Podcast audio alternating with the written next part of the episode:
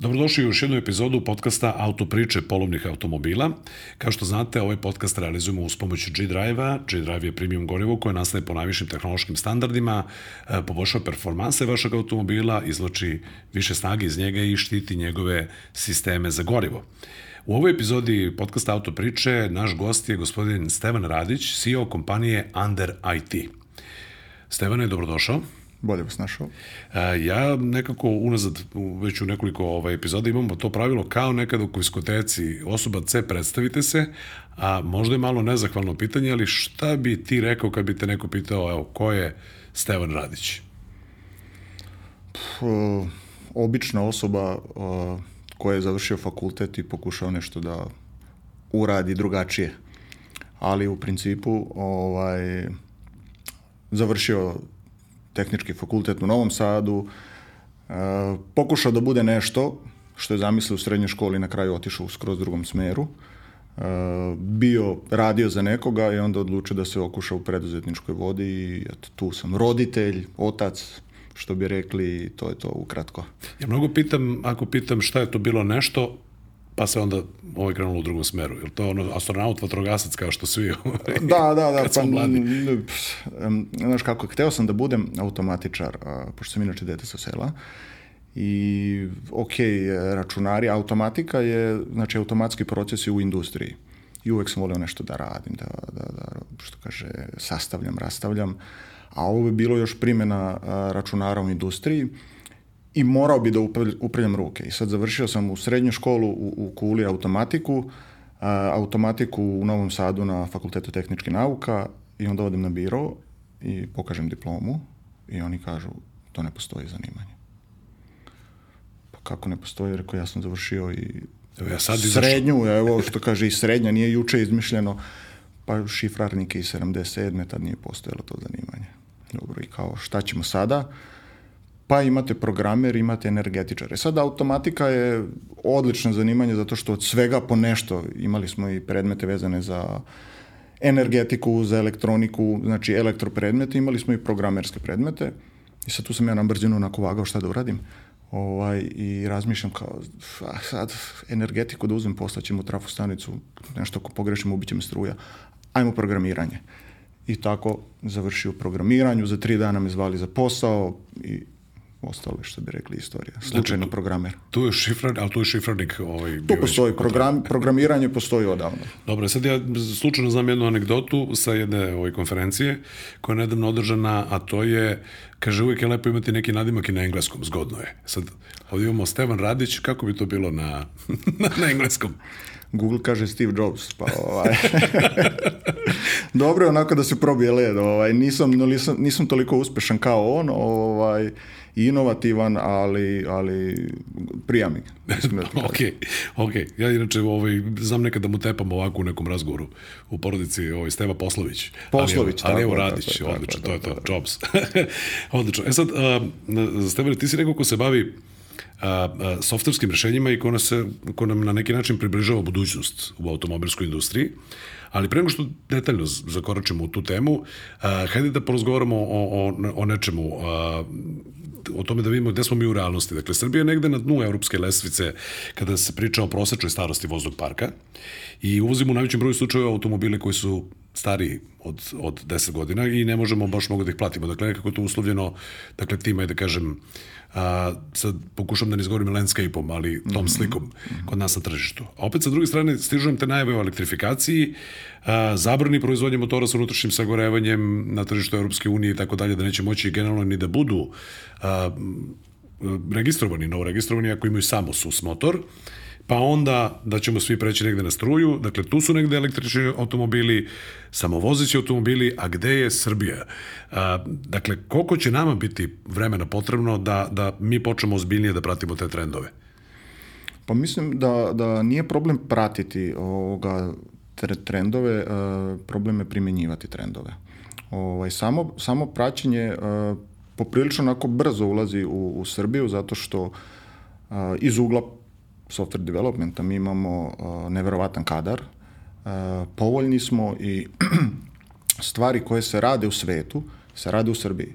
Što se tiče Severne Amerike, mi imamo Rivian ovde u Beogradu. Što se tiče Nemačke, ovoga, postoje kompanije već koje rade sa velikim autokompanijama, mi koji radimo i sa startupima i sa velikim kompanijama, tako da tu smo, tu smo, pratimo. E sad problem je uh, primenjivati i, i registrovati, uh, kupovna moć prvenstveno je vrlo bitna. Uh, po nekim istraživanjima Srbija nije u prvih 30 u Evropi. Što se tiče uh, broja registrovanih elektro ili hibridnih automobila. Uh, prednjači Norveška koja mislim da ima oko 86% automobila je registrovano, tako nešto, neverovatan broj. I sve više i više prelaze. Prosto ovo je malo pitanje možda i za ekonomiste, i za, a i za sociologe, pre možda za ekonomiste, jer naravno kupovna moć to diktira. Ali prosto hoću da kažem, nama se često dešava i u ovim testovima koje, koje, koje snimamo, da ispod u komentarima imamo prvo otpor prema, ne znam, trocilindarskim motorima, pa onda otpor prema električnim vozilima, pa šta ću ja sa njim i tako dalje, i ljudi se ponegde i bune što nestaje dizel sa scene. A zapravo je ovo pitanje, ajde da kažemo, da ga posmatramo malo šire, kada ćemo mi zapravo sustići te razvijene zemlje u, u tom smislu da i mi možemo da nabavljamo sve te novije i novije automobile. Kažem, pitanje je vratno za ekonomistu. Tako je. Prvenstveno ne za, ne za tebe, ali neko tvoje mišljenje. Dakle, tehnologija napreduje, izbacuju se dizeli, izbacuju se polako sus motori, a mi, ja od 2005. vidi ga lutka kakav je nov, nov, nov, kako kaže moja majica. Jeste, jeste. Pa mi nezgodno je reći, mi smo kao otpad Evropske unije kad su u pitanju stari automobili, malo je to bez veze reći, ali ovaj, e, stvarno kupovna moć dok se ne popravi ili dok država ne uradi neke korake da subvencioniše kupovinu tih stvari, odnosno elektroautomobila i hibrida, mislim da ćemo se jako polako kretati. Biće to težak i, i spor put, ali što kažem, mi smo narod na koje najviše utiče kupovna moć, odnosno novčanik. Kad nas udariš po novčaniku, mi onda se otprilike uhvatimo za glavu i tad priznamo sve. Tako da sve lepo, dizel, veliki motor, benzin, super 16 auspuha, sportsko sve, ali kad ode gore na 300 dinara, razmišljat ćemo ovaj, o svemu. Sad će neko da kaže u komentarima, a pošto je struja, a pošto je struja, da, ali još uvek je, je jeftinije i nekako imamo potencijalno i solarne panele i te nove tehnologije, tako da definitivno će biti povoljnije. I to je nešto što teško da može da presuši fosilna goriva, imamo ograničenu količinu toga. Ja negde, to nije prvi put da kažem u ovom podcastu, mislim da ćemo mi u budućnosti, neće to biti samo elektrika, nego će biti hidrogen i elektrika, dakle, tu ćemo negde da nađemo rešenje, odnosno imat ćemo ta dva izvora ili kombinovano, jeli, hibride, pa ćemo Tako se na to voziti, jer fosilna goriva, osim što zagađuju planetu, su zapravo ograničen resurs. Tako je. Ok, e sad nekako smo se ovaj, ubacili u, u sledeće pitanje, dakle, osim što za većinu domaćih kupaca električni automobili trenutno finansijski su van domašaja, mi imamo zapravo i problem sa infrastrukturom. Dakle, nema dovoljno punjača za početak, a na mnogim lokacijama, kao što su recimo tržni centri i hoteli, korisnici možda ni ne znaju da postoji punjač, jer ih nema u nekim određenim aplikacijama. Koliko nas sve ovo sputava i šta bi tu sve trebalo promeniti po tebi? To je e, široko je pitanje. Ovaj, e, prvo, mislim da treba da bude edukacija e, ljudi koji instaliraju te punjače. Zašto? Pa tebi je u interesu da neko dolazi da puni ovde automobil. Znači, da ne ide samo ej, ja sam napunio svoj automobil, pa ću reći nekome možeš tamo da dođeš ili još gore, s obzirom da nema dovoljno punjača, neću nikome da kažem, pa kad god dođem da imam slobodno mesto. Ovaj, znači, ti ljudi koji instaliraju punjače treba da se edukuju, da treba da podignu na aplikaciju uh, geolokaciju svog punjača, pa da prate statistiku koliko je često uh, zauzet, pa onda da recimo uh, povećavaju broj punjača i i baš sam razmišljao o tome nedavno, ovaj, mislim da se tu otvara jedna interesantna, uh, kako da kažem, biznis prilika. Preduzetnička niša. Preduzetnička niša, tako je. Ovaj, kao što sad je dosta onako popularno kao taj pasivni priliv. Mislim, nije on sad popularan, to je fraza koja postoji od davnina, naravno. Ali ko sad ima malo viška para, on napravi autoperionicu. Ne razmišljaš, nemaš održavanje, nemaš žetoni Obavezne. samo idu. Samo idu. Inače niču kao pečurke posle kiše. Stvarno Tako je, ih je, evo, ovaj, mi na Novom Beogradu možemo to, tu je, da kažem, infrastruktura i ima još slobodnih placeva i u Novom Sadu to može lako je, da tako se je, vidi, tako iz koga si nam došao. Tako je. ovog jutra da, da snimamo, ovaj, da god nađeš zgodno mesto ti ovaj, perionicu samostalno posadi i ona ide, radi, vrti te, Tako, te ne žetone. samo po većim gradovima, po selima isto, gde ljudi onda dođu pa operu traktor tu, ne moraju da No, kući... što, što zna da bude Tako zgodno. je, Ja sam inače bio malo skeptičan kad je to krenulo tako da niče, pa moguće te, da će zaista svi ljudi da, da idu. Čak sam jedno vreme izbjegavao, ali lično da, da, da perem, ovaj, e, nego ko pa odveze me tu perionicu. Međutim, mnogo se puta pokazalo da je brže, praktičnije i lakše i jeftinije uraditi to i sada pretpostavljam tvoj odgovor, odnosno ono što si hteo da kažeš. Tu bi trebalo staviti i punjač. Uh, pa da i ne. Ovaj, Pa trebalo, bi, trebalo, bi, trebalo bi tu staviti punjač, ali nije mi čak ni to bila ideja, nego je bila ideja ovaj, pa zašto ne bi ist, isti princip, istu biznis logiku primjenjivali na to? Ajde neću uzeti plac i neću napraviti autoperionicu, kupit ću dva punjača. I da ja imam korist, zna se recimo tu je malo skuplje nego ne znam u tržnom centru ili negde, a ja koji imam tu punjač, ću rentati taj punjač drugim ljudima.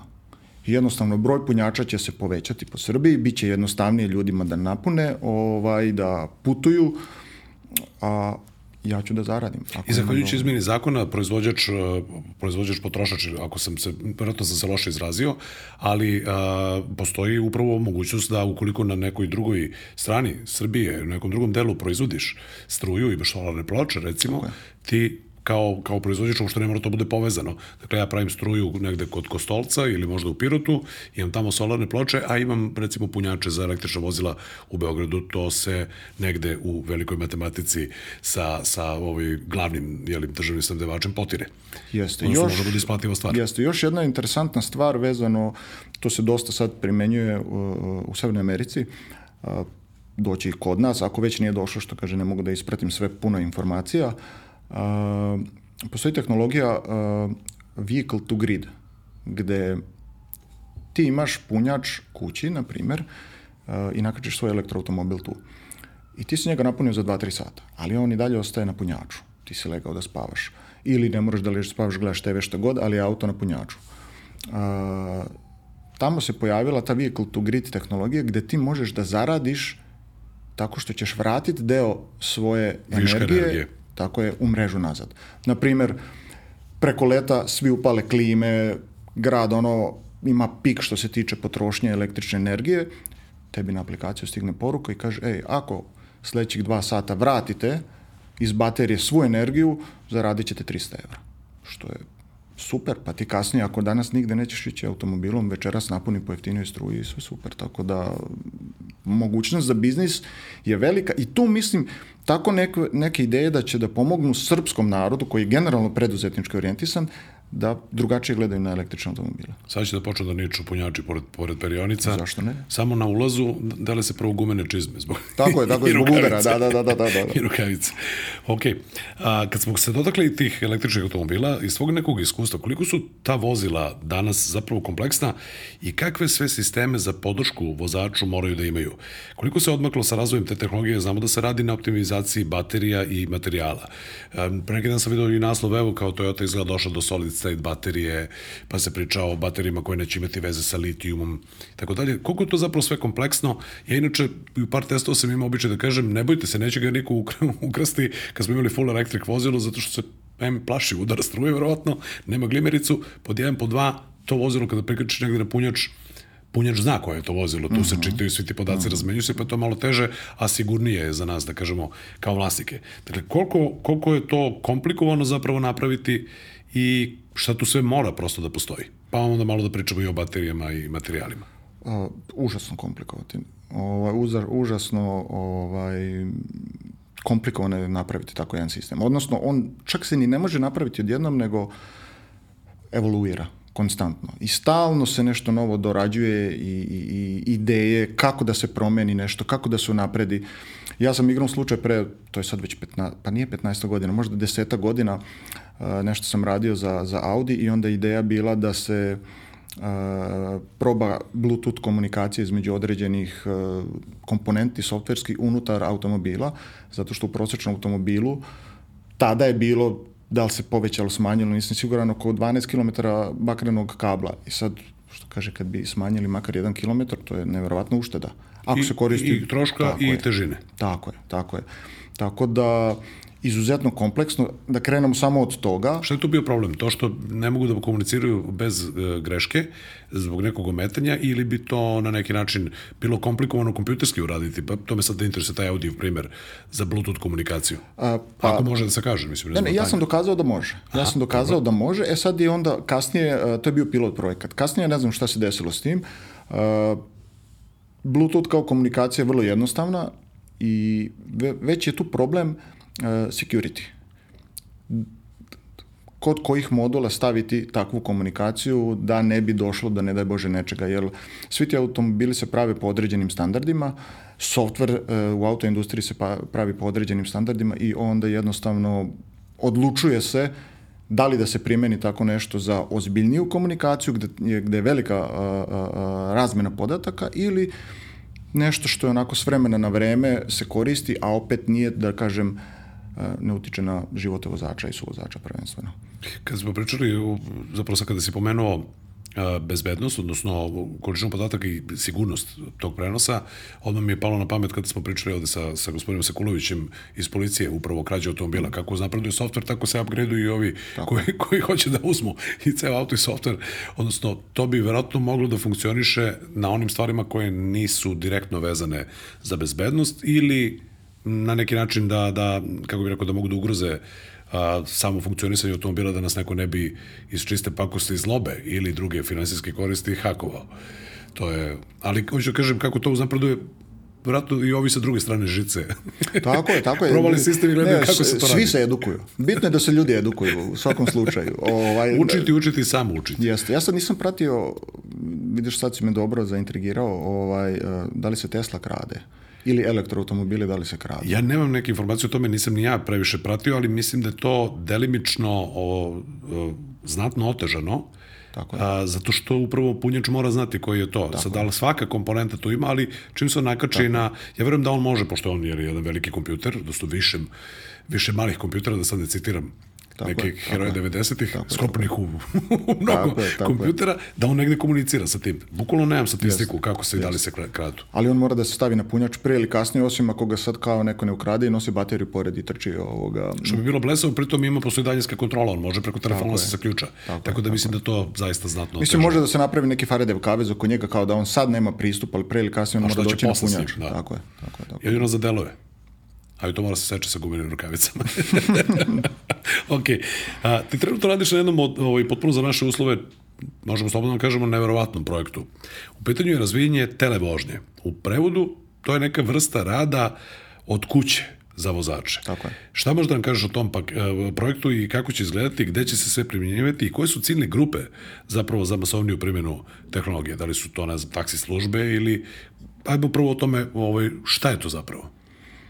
Pa dobro si opisao, znači tele vožnja je vožnja vozila, ali eto da kažem automobila iz kancelarije. Odnosno u prostorijama postoje kao ti neki gamerski kavezi koji uh, dobijaju, telestanice se to zove, koji dobijaju podatke sa automobila, a u automobilu niko. Ili ja sedim pozadi, putujem za Niš, Tako je. ja recimo za nedelju dana imam jedan logistički zadatak, moram nešto da radim do uveče i treba ujutru da budem u Nišu. I sad je vagam da li ću da krenem ujutru ili ću da krenem uveče kada ću biti malo i umorniji, ali svakako moram. A Tako. ujutru može da se desi, pukne guma, ja ne stignem na vreme, a Tako. obaveza je tu. Tako. Dakle, ja sedem pozadi, odremam ili kucam neki mail, a mene vozi neko iz kaveza Tako je. koji sedi gde? Vidjet ćemo. u svetu. Vidjet ćemo, da. Ali brzina prenosa podataka, kako je to zamišljeno da funkcioniše? Stvarno jeste nepojmljiv projekat za naše pa, prostore. Da, ovaj, to je startup jedan koji je poprilično sad uspešan i mislim da su što se tiče televožnje prvi u svetu. Ovaj, oni imaju četiri receivera za mobilne operatere.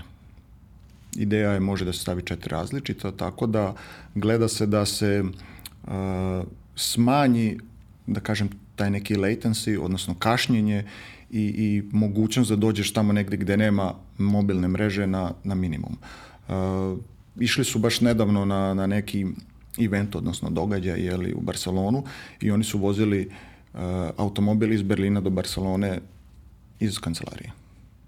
Wow. Što kaže, bez saobraćajne nesreće su uspeli da doći tamo.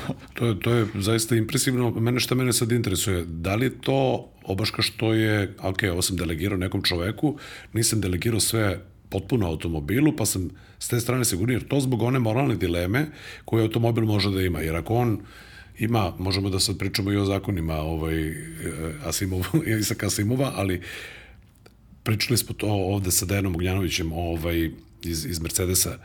Uh, šta automobil radi ako ima misiju da zaštiti ljude unutra, ima misiju da zaštiti sebe kao integritet, nadolazimo neka vrlo zanimljiva saobraćajna situacija koja je, koja je rizična i desno se nalazi majka sa kolicima za, de, za bebu, a levo je bandera. Koga će onda odabere i šta će da uradi kompjuterski, ako smo mu delegirali potpuno vožnju, jer to zbog toga, pa kao, ajde, evo, ipak me vozi neki tamo ovaj čovjek iz kancelarije, ili je generalno zamišljeno kao, kao ajde da kažem, delegacija toga i imate svog virtualnog vozača, da jednog dana kad to bude moglo apsolutno bez kašnjenja, evo, kapiram da od Berlina do Barcelone, možda zato što je sve na B, da, da, da, da. Pokriveno, da Evropska pokriveno. unija pa je sve kao pokriveno, da. generalno zamišljeno da može i roaming da se koristi, naravno kad izađe se ovaj, van granica određenog državnog entiteta.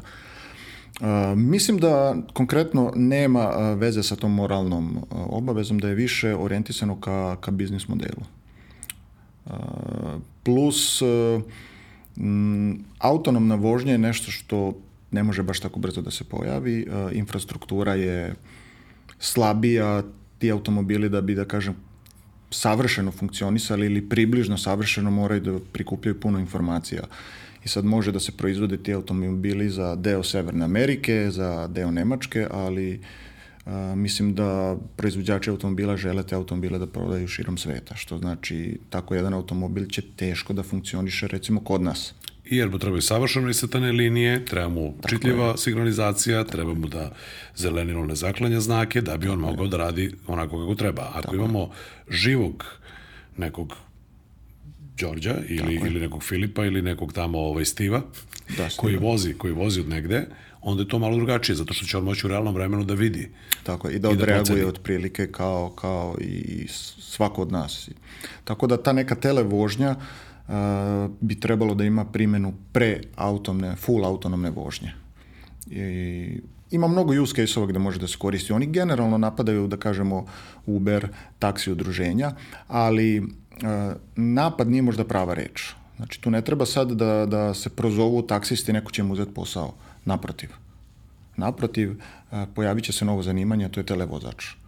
I mislim da će svi sad taksisti na svetu koji postoje da neće biti dovoljni zbog neke dalje budućnosti. Znači, to će biti ozbiljno zanimanje. Sedi sa kacigom u fotelji koja ga masira, Tako je. ali prati oko njega virtualna realnost, Tako on je. vidi, on vidi gde je, nema gužve u saobraćaju, nema s kim da se pobije. Tako je. Tako je. Ali, evo, na primjer, na primjer use case. Uh, uh, taksi na aerodromu stoji i čeka. Da ti njemu priđeš ili kako god. Ovaj, uh, ti dođeš, kad je u pitanju televožnje, ti dođeš na određenu stanicu, kako god to nazovemo, na, gde postoji jedan prekidač, ti pozoveš, televozač ti doveze automobil, ti uđeš i odabereš. E, sad ja hoću da vozim taj automobil, ja vozim taj automobil od Beograda do Novog Sada. On se isključi vraćaš televozaču da, da, da može da upravlja automobilom i ti se završio sve. On vraća do stanice koja će biti u Novom Sadu, u Beogradu, bilo gde. Da, da zapravo nije sve, evo, vozit ćete neko tamo, Tako je. nego može da bude, e, ja ne mogu više, ili umorio sam se, ili ako detektuje sutra sistem da. za praćenje budnosti vozača, šefe, umoran si, Evo sad će da ti tako, se javi tako. tvoj televozač. A s druge strane, e, taksisti, uz, na primjer, imaju, to je, to je izuzetno naporan posao, on, on sedi tamo i čeka vožnju. E, televozač ne mora da čeka. On vidi da nema vožnje, on se diskonektuje i konektuje se negde dalje na neku drugu stanicu gde postoji potreba za vožnjom. Tako da to novo zanimanje televozača će da bude onako poprilično perspektivno. I pričamo samo sada uh, o, o automobilima u gradu, gde su kamioni, gde su poljoprivredne mašine koji moraju posle 6 sati da stanu. Avioni. Avioni, naravno. Mada imamo već dronove, je tako? Pa imamo To dronove, ali da. za ove velike autobuse da sedne po 200-300 ljudi, to baš da vidim. Da, da, da, da, to će da. malo kasnije da dođe. Ali, da kažem, opet ekonomska isplativost, nema potrebe za pauzom, nego ja ću izaći iz mog kaveza, ti sedi, ti nastavi, voziš dalje i završeno. Da, s tim što, da, bit će tu sigurno i neki proces sertifikacije. Vrlo zanimljivo zvuči potpuno kao Matrix da gledam. Da, da. Ovi vozači sede u tim nekim čaurama, imaju, imaju svoje kacige i da ne reklamiram sada ove proizvođače tih Postoji razlika između proizvođača tih uh, volana za igrice, neki slove za najbolje, sa sjajnim feedbackom, ali eto je tu biznis. Tako je, tako je. Naravno, naravno, ima biznis prilika na svakom ćošku, apsolutno. ok. Stevene, sve što si opisao je nekako teško zamisliti, ali nekako ne mogu da izbacim iz glave sliku, zamišljam kako izgleda to radno mesto tog televozača. Dakle, šta je, on sedi ispred nekih monitora, ima kacigu VR, kako, kako to izgleda? Sad ja imam malu decu, ovaj, čekam još malo da porastu, ovaj, da mogu da ih vozim, odnosno da ih vodim u tržni centar u one Aha, kaveze, jel, Dobro. gde voze automobile, ako ih, devojčice su, ako ih bude interesovalo, ja se nadam, jer sad ne mogu, male su, ne razumeju šta treba da rade. Ali to je tako jedan kavez, kao za, za igru, uh, gamerski, i postoje tri monitora. Uh, jedan je onako, mislim da je ravan, a ova dva su malo zakrivljena i pokušavaju da pokriju uh, ceo uh, vidni spektar prosečnog vozača, Uh, naravno, postoji ne znam koliko kamera, jedno 20 kamera na automobilu i otprilike tako. Evo, kako, kako da kažem, skoro od retrovizora do retrovizora normalnog automobila. Sad da opišem onima koji nas samo slušaju na podcast platformama, dakle, stavite, dignite vaše ruke levo i desno i stavite ih u, ovaj, u istu ravni, u ovoj ravan sa ušima. Tako je. tako je, tako Dobro, ali pretpostavka je kada bi se okretao, jer instinktivno će se ti vozači okretati, ovaj, trebalo bi da mogu da vide, odnosno da kamera pokriva ipak možda malo i širi ugao, da on, tako to bar funkcioniše na nekim simulacijama koje sam ja vidio na, na internetu. Ima kad ljudi naprave ceo onaj rig, kao voza kamion, tako a onda je, sede tako kao u fotelji i tako, tako dalje. Tako. A, što se tiče komandi, postoje brda nekih komandi trenutno u ovoj fazi a, razvoja, ali su to više i dodatno upali uh, rikverc uh, kameru pa 3D model uh, da, da, da se vidi automobila, ali tad se jedan monitor pretvori, uh, da kažem, u navigaciju koja je sad u prosečnim automobilima, jeli, pored da. volana desno, ali... ali pretvori se u kameru, da. U kameru se pretvori, Odnosno, tako dobijemo sliku. Tako I ja nekako često to znam i da zamerim, kad, pogotovo kad testiram malo veće automobile, jer navikao sam se dosta i baš je nezgodno kada je nepregledan automobil, od jedan put nemam kameru, nego samo parking senzore. Tako je. A ponekad nema ni parking senzora, Tako, onda je to tek... A kad nekad nema ni desni retrovizor, to je onda isto još katastrofa. Uh, to davno nisam imao u rukama, ovaj, ali kad smo već kod toga i kamere i retrovizora, nedavno sam čuo jedna velika naša logistička kompanija da imaju tu i tamo problema sa vozačima vezano za ove elektroretrovizore. Ja sam baš pre neki dan sam sreo, evo pominjem i taj neki put, ovaj, baš sam pre neki dan sreo aktrose bez retrovizora, oni koji imaju kamere, uh -huh. i to su oni unutrašnji retrovizori digitalni. Čuo sam, da li je proverena informacija, da li nije, da su neki stariji vozači digli ruke i tražili da isključuju voze starije kamione zato što im je teško jako da se prilagode na to. Nekako instinktivno se okreću kroz prozor, a tamo retrovizora nema, nego je zapravo umesto A stuba. Pa, treba će vreme da se malo ljudi naviknu, ali ne, ne verujem da će vraćati ovaj, stari dizajn. ok. E sad, kad smo već da krenuli priču o autonomnim vozilima, to je tehnologija koja se već primenjuje u nekim državama i gradovima stalno se usavršava. U Americi zakonodavstvo je tako i ja sam video, verujem i dosta naših slušalaca, dosta nekih e, video snimaka gde e, dolazi samostalno taksi ili dolazi samostalno pizza delivery, doveze Tesla, otvori se pozadi samo prozor, i izađe pizza, ovi, ovi ljudi klopaju. Gledao sam nešto zanimljivo kako, kako reaguju stariji tamo građani na to, da ih niko ne vozi, pa to bude, zna da bude smešno. A, međutim, dešavaju se i saobraćene nezgode. A, postoji slučaj od nedavno u Americi da su autonomni automobili blokirali put hitnim službama. Da li mi možemo da pokušamo malo da približimo gledalcima dodatno svu problematiku te autonomne vožnje, ako smo je malo načeli, malo čas? Dakle, koji su tu najveći izazovi problemi i na čemu se radi u svetu a da nije ovo sa, sa televožnjom. Dakle, dok smo sad došli, mi smo nedavno, zapravo ja sam se upravo vratio sa, sa USBS foruma Agencije za bezbedno saobraćaja ovaj, na Zlatiboru i tamo je takođe saopšteno i poznata je javna informacija da je Agencija za bezbedno saobraćaja dala dozvolu da se ovde testiraju određena vozila za autonomnu vožnju, ne kao u Americi, ne kao u Nemačkoj, evo ga, pusti ga sada, nek ide sam, ali se radi na tome. Uh -huh. Šta možemo da kažemo, dakle, do kog smo stepena sada autonomije došli i koja je razlika između eventualno Amerike i Evrope u tom smislu i šta su tu zapravo ti najveći izazovi? Ja sam malo čas spomenuo moralnu dilemu. Pa jeste, naravno, sve to lepo, veštačka inteligencija, ali on, ona treba još mnogo podataka da pokupi i, i, i situacije koje su i dobre, ali nažalost i koje su se loše završile, da bi mogla da se obuči uh, za sledeću situaciju koja je slična tome. Tako da definitivno ta veštačka inteligencija nije savršena, uh, infrastruktura, infrastruktura, ta situacija iz, iz uh, Amerike, nažalost, što se desila, uh, mi uh, kao vozači možemo brže da odreagujemo. Uh, čujemo sirenu vatrogasaca, hitne pomoći, policije i otprilike krećemo već polako u retrovizoru, vidimo, krećemo nekako da se sklonimo, tražimo prostor, kako da se sklonimo da, da oslobodimo da to vozilo prođe. Plus, ako ne vidimo, a čujemo, a iza nas vozilo reaguje ili ispred nas i mi ćemo to da uradimo. Pratimo ovaj, uh, obrazac ponašanja. Obrazac ponašanja drugih vozača koji su nešto primetili što mi ne možemo možda od njih da vidimo. Kad su autonomna vo, vozila u pitanju, još uvek to ne mogu. Uh, ovo je taj neki hibridni, odnosno prelazni period. Kad svi automobili budu uh, povezani, vehicle to vehicle komunikacija kad se ostvari. I to vozilo hitne pomoći, vozilo policije, vozilo vatrogasaca će imati u sebi neki protokol i znači, ok, ja moram da stignem od ove do, do ove adrese, iscrtaće se ruta i automatski će se, na primjer, poslati... Obavestit će se ovi na ruti da on je. tu mora da prođe. I tu ako su, na primjer, autonomna vozila, one mogu da se bukvalno odmah sklone i ne mrdaju ako to treba da traje 5 minuta ili koliko god dok ne prođe vozilo koje spašava ljudske živote.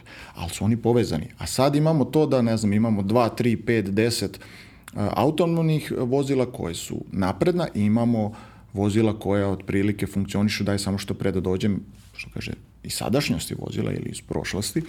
Ovaj, I tu, tu, je, tu je problem. To je dosta onako komplikovano uvezati te sisteme koji nisu povezani. Dobro, vidjet ćemo šta budućnost donosi, ali e, da li možemo da kažemo ko je, prema toj zanima, ako imaš tu informaciju, ko je najdelje došao u tome? Ja recimo znam da već par godina S-klase recimo u Nemačkoj komuniciraju međusobno.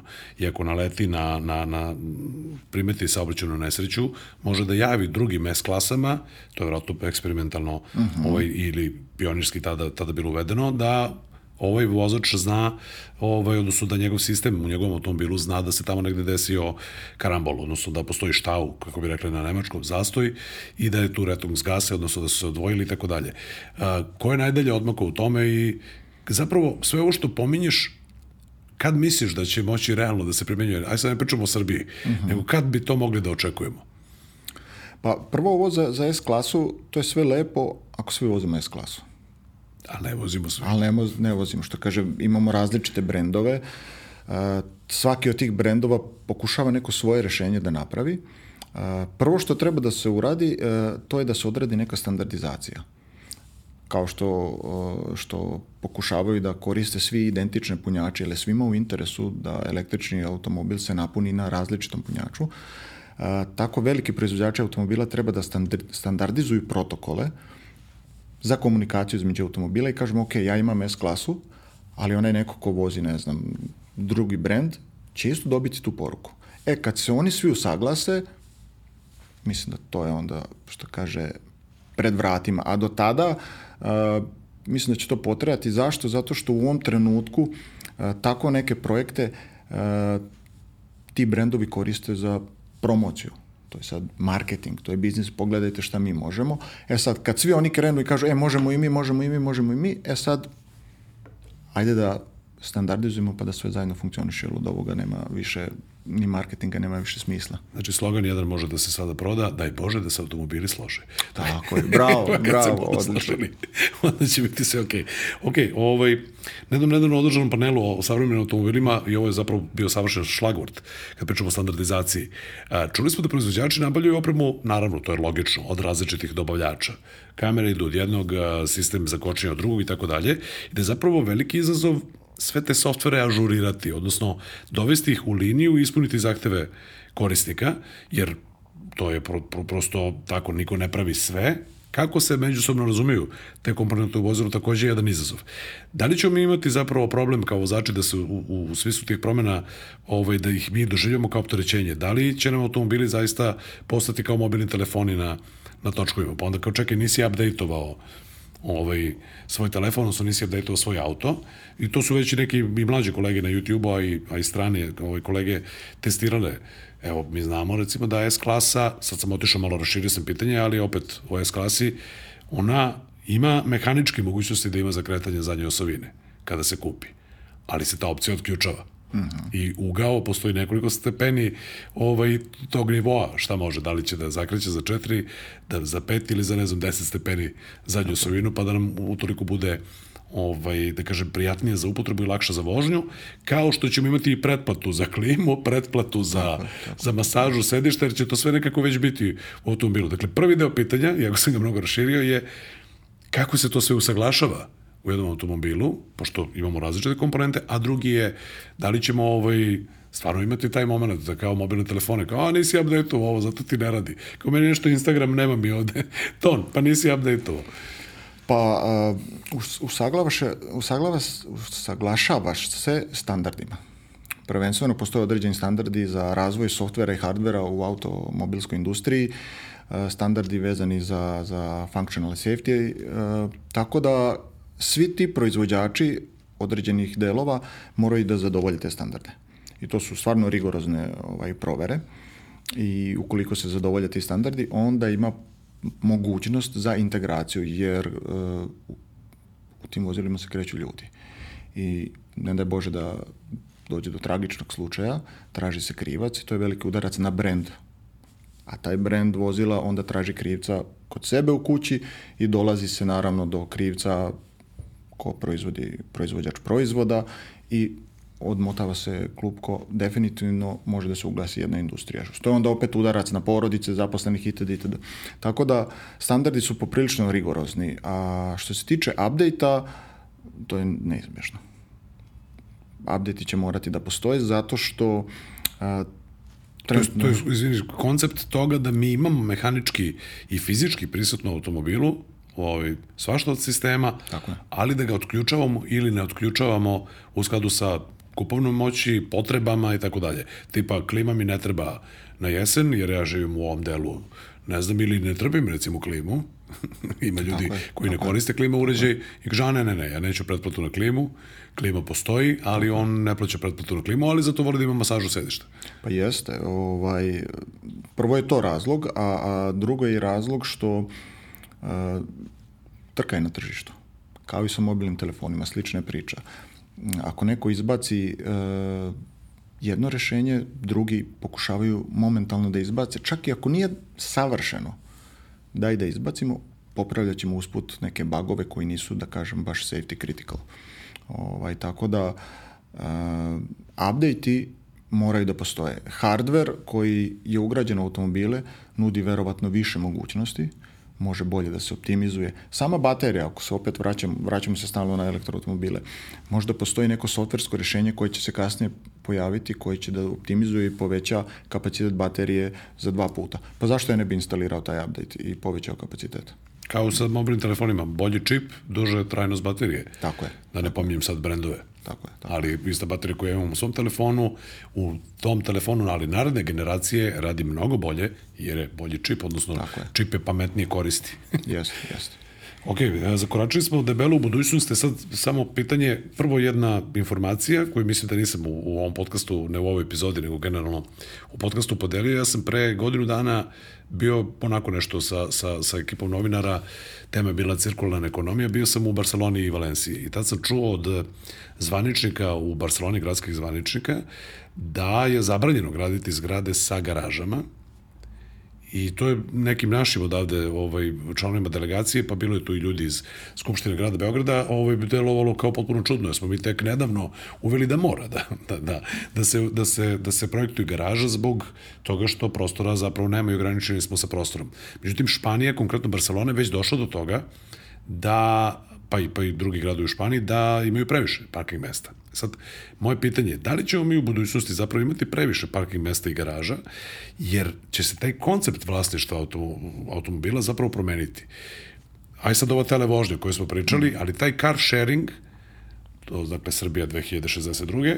a Nemačka možda za, za 6-7 godina da. ili 10, šalim se ja malo sada, ali ovaj, da li ćemo zapravo tim konceptom car sharinga i tog nemanja vlasništva nad vozilom, nego samo vozilo za korišćenje uz, zajedno sa javnim prevozom, da ćemo doći do toga da, su, da će nam biti viš, višak te garaže i, i, i, i parking mesta i da će u stvari da, biti i čistija atmosfera, a mi ćemo se voziti kao u onim nekim futurističkim filmovima koje smo gledali.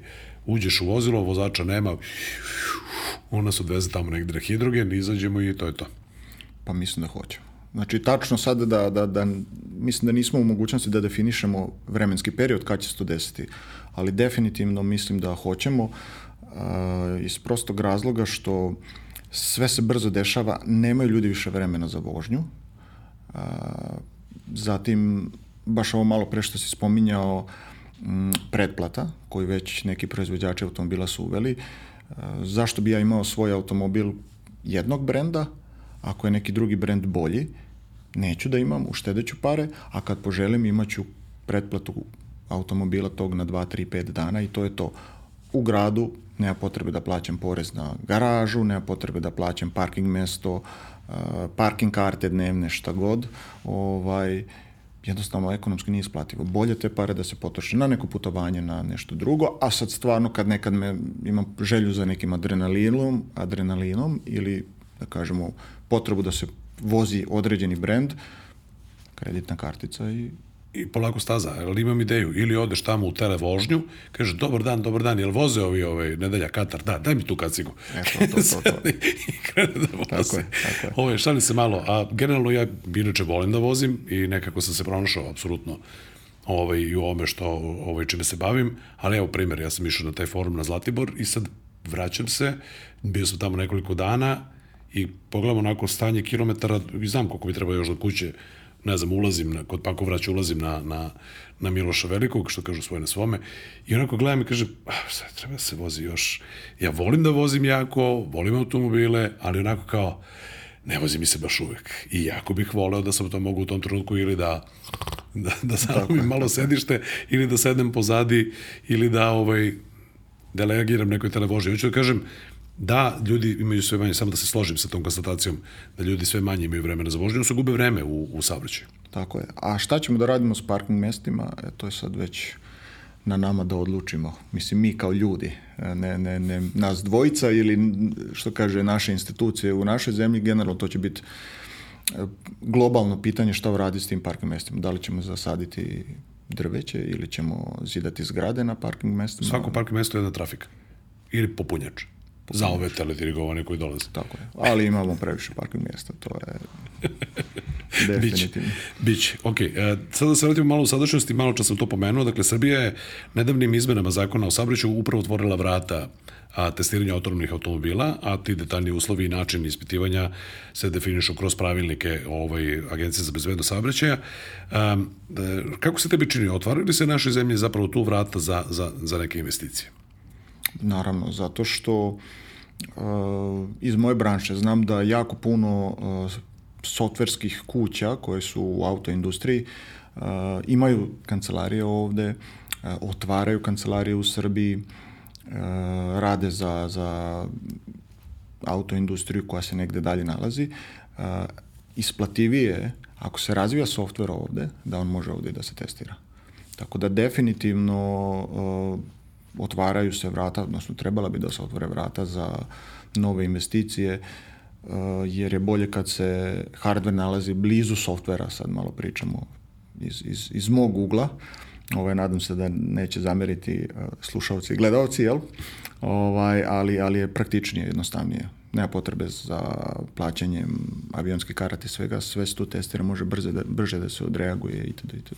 Na samom početku si pomenuo da upravo zbog toga što smo dobri kao radnici u tom smislu, nismo skupi kao možda neki drugi Tako je. radnici, a imamo stručne ljude, ovaj, da, da je to zbog toga, a odnosno da imamo, da imamo kadar za to, a idealno bi bilo, čekaj, napisam ovo, ajde da vidim kako se ponaša, evo tu, ispred te zgrade ili pored te piste, a ne poslao sam ti kod, odnosno da, da, da se putuje negde da se to testira. Pa, Logično je da će se je. ovde otvoriti vrata. Tako, ja sam bio u situaciji toj da, da, da morali smo da idemo u Audi, bili smo u delu ko, u kom se nalaze prototipovi, na, kao model koji će da izađe. Ste išli vezanih oči? A ne, ali mobilni telefoni su morali na kameri da imaju ovoga, traku, da. traku da, da, da ne mogu da se koriste i plus ostavljaš ih, ovaj, ako nemaš posebnu dozvolu da možda ih koristiš, ostavljaš na ulazu u, u taj deo ovoga, neki portir je bio tamo. Tako da ovaj, e, trebalo je da se uradi nešto što ne sme da kasni, naravno dolazi se tamo, sedi se. Zašto to ne bi bilo u Srbiji? Kada već da, imamo ljude, imamo kadar. Tako je. Tako Dobro. Je. Inače, ovo što si pominjao, to je baš u Ingolštadu? Ili... U Ingolštadu, jeste. Dobro. Mogu da kažem da je Kapija 9 u pitanju, ono sve, ali dalje 9. više ne sam. Da, tam, tamo, su, tamo su prototipovi Kapija 9. Kapija 9. Tako je. ok. Uh, pominje se nivo uh, 3 testiranja u Srbiji, govorimo o nivou 3 autonomne vožnje, što znači da bi vozilo moglo samostalno da obavlja sve radnje, ali uz prisustvo vozača, koji bi prošao određenu obuku, specijalnu.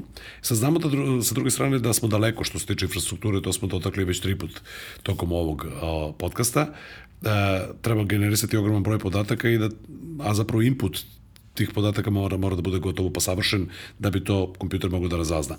E, koje druge, kako se druge zemlje pripremaju za razvijenje te tehnologije? Gde se vrše takva testiranja?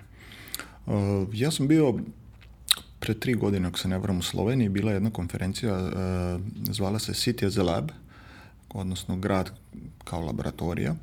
Uh, nalazi se na obroncima Ljubljane, kako da kažem. Tu je bila velika železnička stanica, železnička, železnički pogon, industrija neka i Oni su to srušili sve i tu su napravili, odnosno izvukli su sve tržne centre koji se tu nalaze. I stavili su nekoliko hotela, Radisson Blue, sećam se da se tamo bio. I tu su naravno izasfaltirali nov put, stavili su tartan za trčanje, trake za bicikl, sve živo. Bukvalno... Simulirali su grad. Simulirali su grad. I tu ima prostora samo za ljude koji dođu u shopping i koji dođu u hotel. Da li shopping hotel ili neke konferencije koje se uh, tu održavaju. Tu održavaju, tako je. Ali, znači, trake, uh, kružni tokovi, semafori, sve tu. Bicikli, ljudi dolaze biciklima na posao. tako da je idealno za testiranje. A s druge strane, uh, količina saobraćaja nije uh, uh, kao u gradu, kao u Ljubljani, I treća stvar, ako stvarno dođe do nekog ozbiljnijeg testiranja, pa se jedan deo zatvori da ne mogu ljudi da, da, da prolaze i drugi automobili, opet nisi blokirao saobraćaj u gradu, što je odlična ideja, tako da ta ideja koju su Slovenci uradili onako baš fenomenalno, to bi moglo, mislim, i kod nas. Čudi me od njih. ok, a, za kraj da te pitam, šta misliš da mlad čovjek treba da progra, koji želi da programira softverska rešenja za automobilsku industriju, šta on zapravo treba da upiše, odnosno da li e, treba da ide kroz kanale formalnog obrazovanja svakako ili su mu potrebni neki baš specijalni i specijalistički kursevi. Šta bi bila tvoja preporuka? Jer ja verujem da ćemo inspirisati neke, neke mlade ljude ovaj, koji ovo slušaju i gledaju i kao, gledaj, što se ovaj Steve Jobs, naš ovaj, ovaj Stevan Radić bavi za neke, neke zanimljivim stvarima, ja bi to volao da radim. Koji bi to put trebalo da bude? Kako se postaje to što si ti? A, pa teško se postaje Steve Jobs. ovaj, šalim se, naravno. Formalno obrazovanje mislim da je, da je neophodno.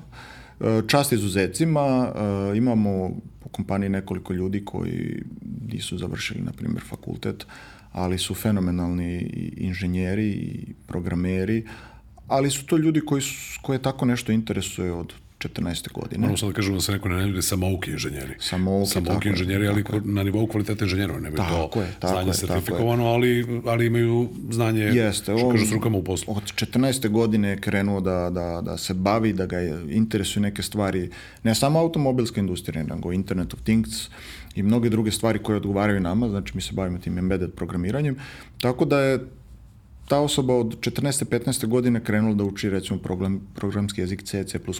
To je neophodno. Ovaj, I jednostavno kad se poredi to neko znanje, ta osoba zna naravno i više u tom trenutku nego neko ko je završio fakultet u tom trenutku, jer osoba koja je završio fakultet često ima samo iskustvo stečeno na fakultetu, koje nije malo, fakultet nauči kako se rešavaju problemi. Inženjerski pristup. Tako, inženjerski pristup rešavanju problema, ne nauči uh, struku. Znači, struku učiš ti najbolje kroz primere iskustvom. Jel? A ova osoba sa 22-3 godine koja je, koja je samouk inženjer, uh, već ima ozbiljno iskustvo. Bez obzira na, na, na edukaciju. Tako da uh, stavio bih akcenat na edukaciju, ali moguće je i ovo, nije, nije nemoguće. Nije nemoguće definitivno. Ali sad ako krenemo u detalje, uh, programski jezici, tako to, to je C, C++, Qt, mislim sad tu ko japanski da pričam, ali ovoga ko želi može da, da, da, da izgugla ili što kaže ne, neka mi piše ovoga, pa ću ja da mu odgovorim, nije problem. Ok, sad se javlja deda ovaj, od, od 44 godine i kaže, a Pascal? A ja, da, da, pa to sam i ja radio. Da, da, to je Pascal, Visual Basic i ostalo. Tako. Ne mora, ne mora, možemo bez toga. ok, ovaj, na, um, nadam se da ćeš doći još koji put, mislim da će svakako biti materijala da, da, da pričamo, pogotovo kako se bude tehnologija razvijela. Meni je bilo izuzetno prijatno, nadam se da si se ti lepo proveo. Jeste, bilo mi odlično, nadam se da nisam smorio. Ne, ne, ne, ne, ja verujem da će ovo biti jedna od najgledanijih i najslušanijih epizoda, upravo zato što je dosta ovako zanimljivo i, i dinamično. A, samo je to obeća da ćeš nam doći ovaj, i sačuvi mi jedno mesto u tom telecentru, ovaj, jer ja kažem, volim da vozim, možda će mi biti prijatnije da to radim iz fotelje. Dogovoran, dogovoran. sa, sa kacigom na glavi. Hoću, hoću. Hvala još jednom. Hvala tebi. Dame i gospodo, Stevan Radić, dakle CEO kompanije Under IT, je bio naš gost. Kao što znate, ovaj podcast možete slušati na svim audio platformama i videti na YouTube kanalu Polovnih automobila i ne zaboravite, mi ga realizujemo s pomoću G-Drive-a koji je premium gorivo koje nastaje po najvišim tehnološkim standardima, koje je tu da poboljša performanse vašeg automobila, da izvuče ono najbolje iz njega i da zaštiti njegove sisteme za gorivo. Slušamo se i vidimo se u sledećoj epizodi. Hvala vam.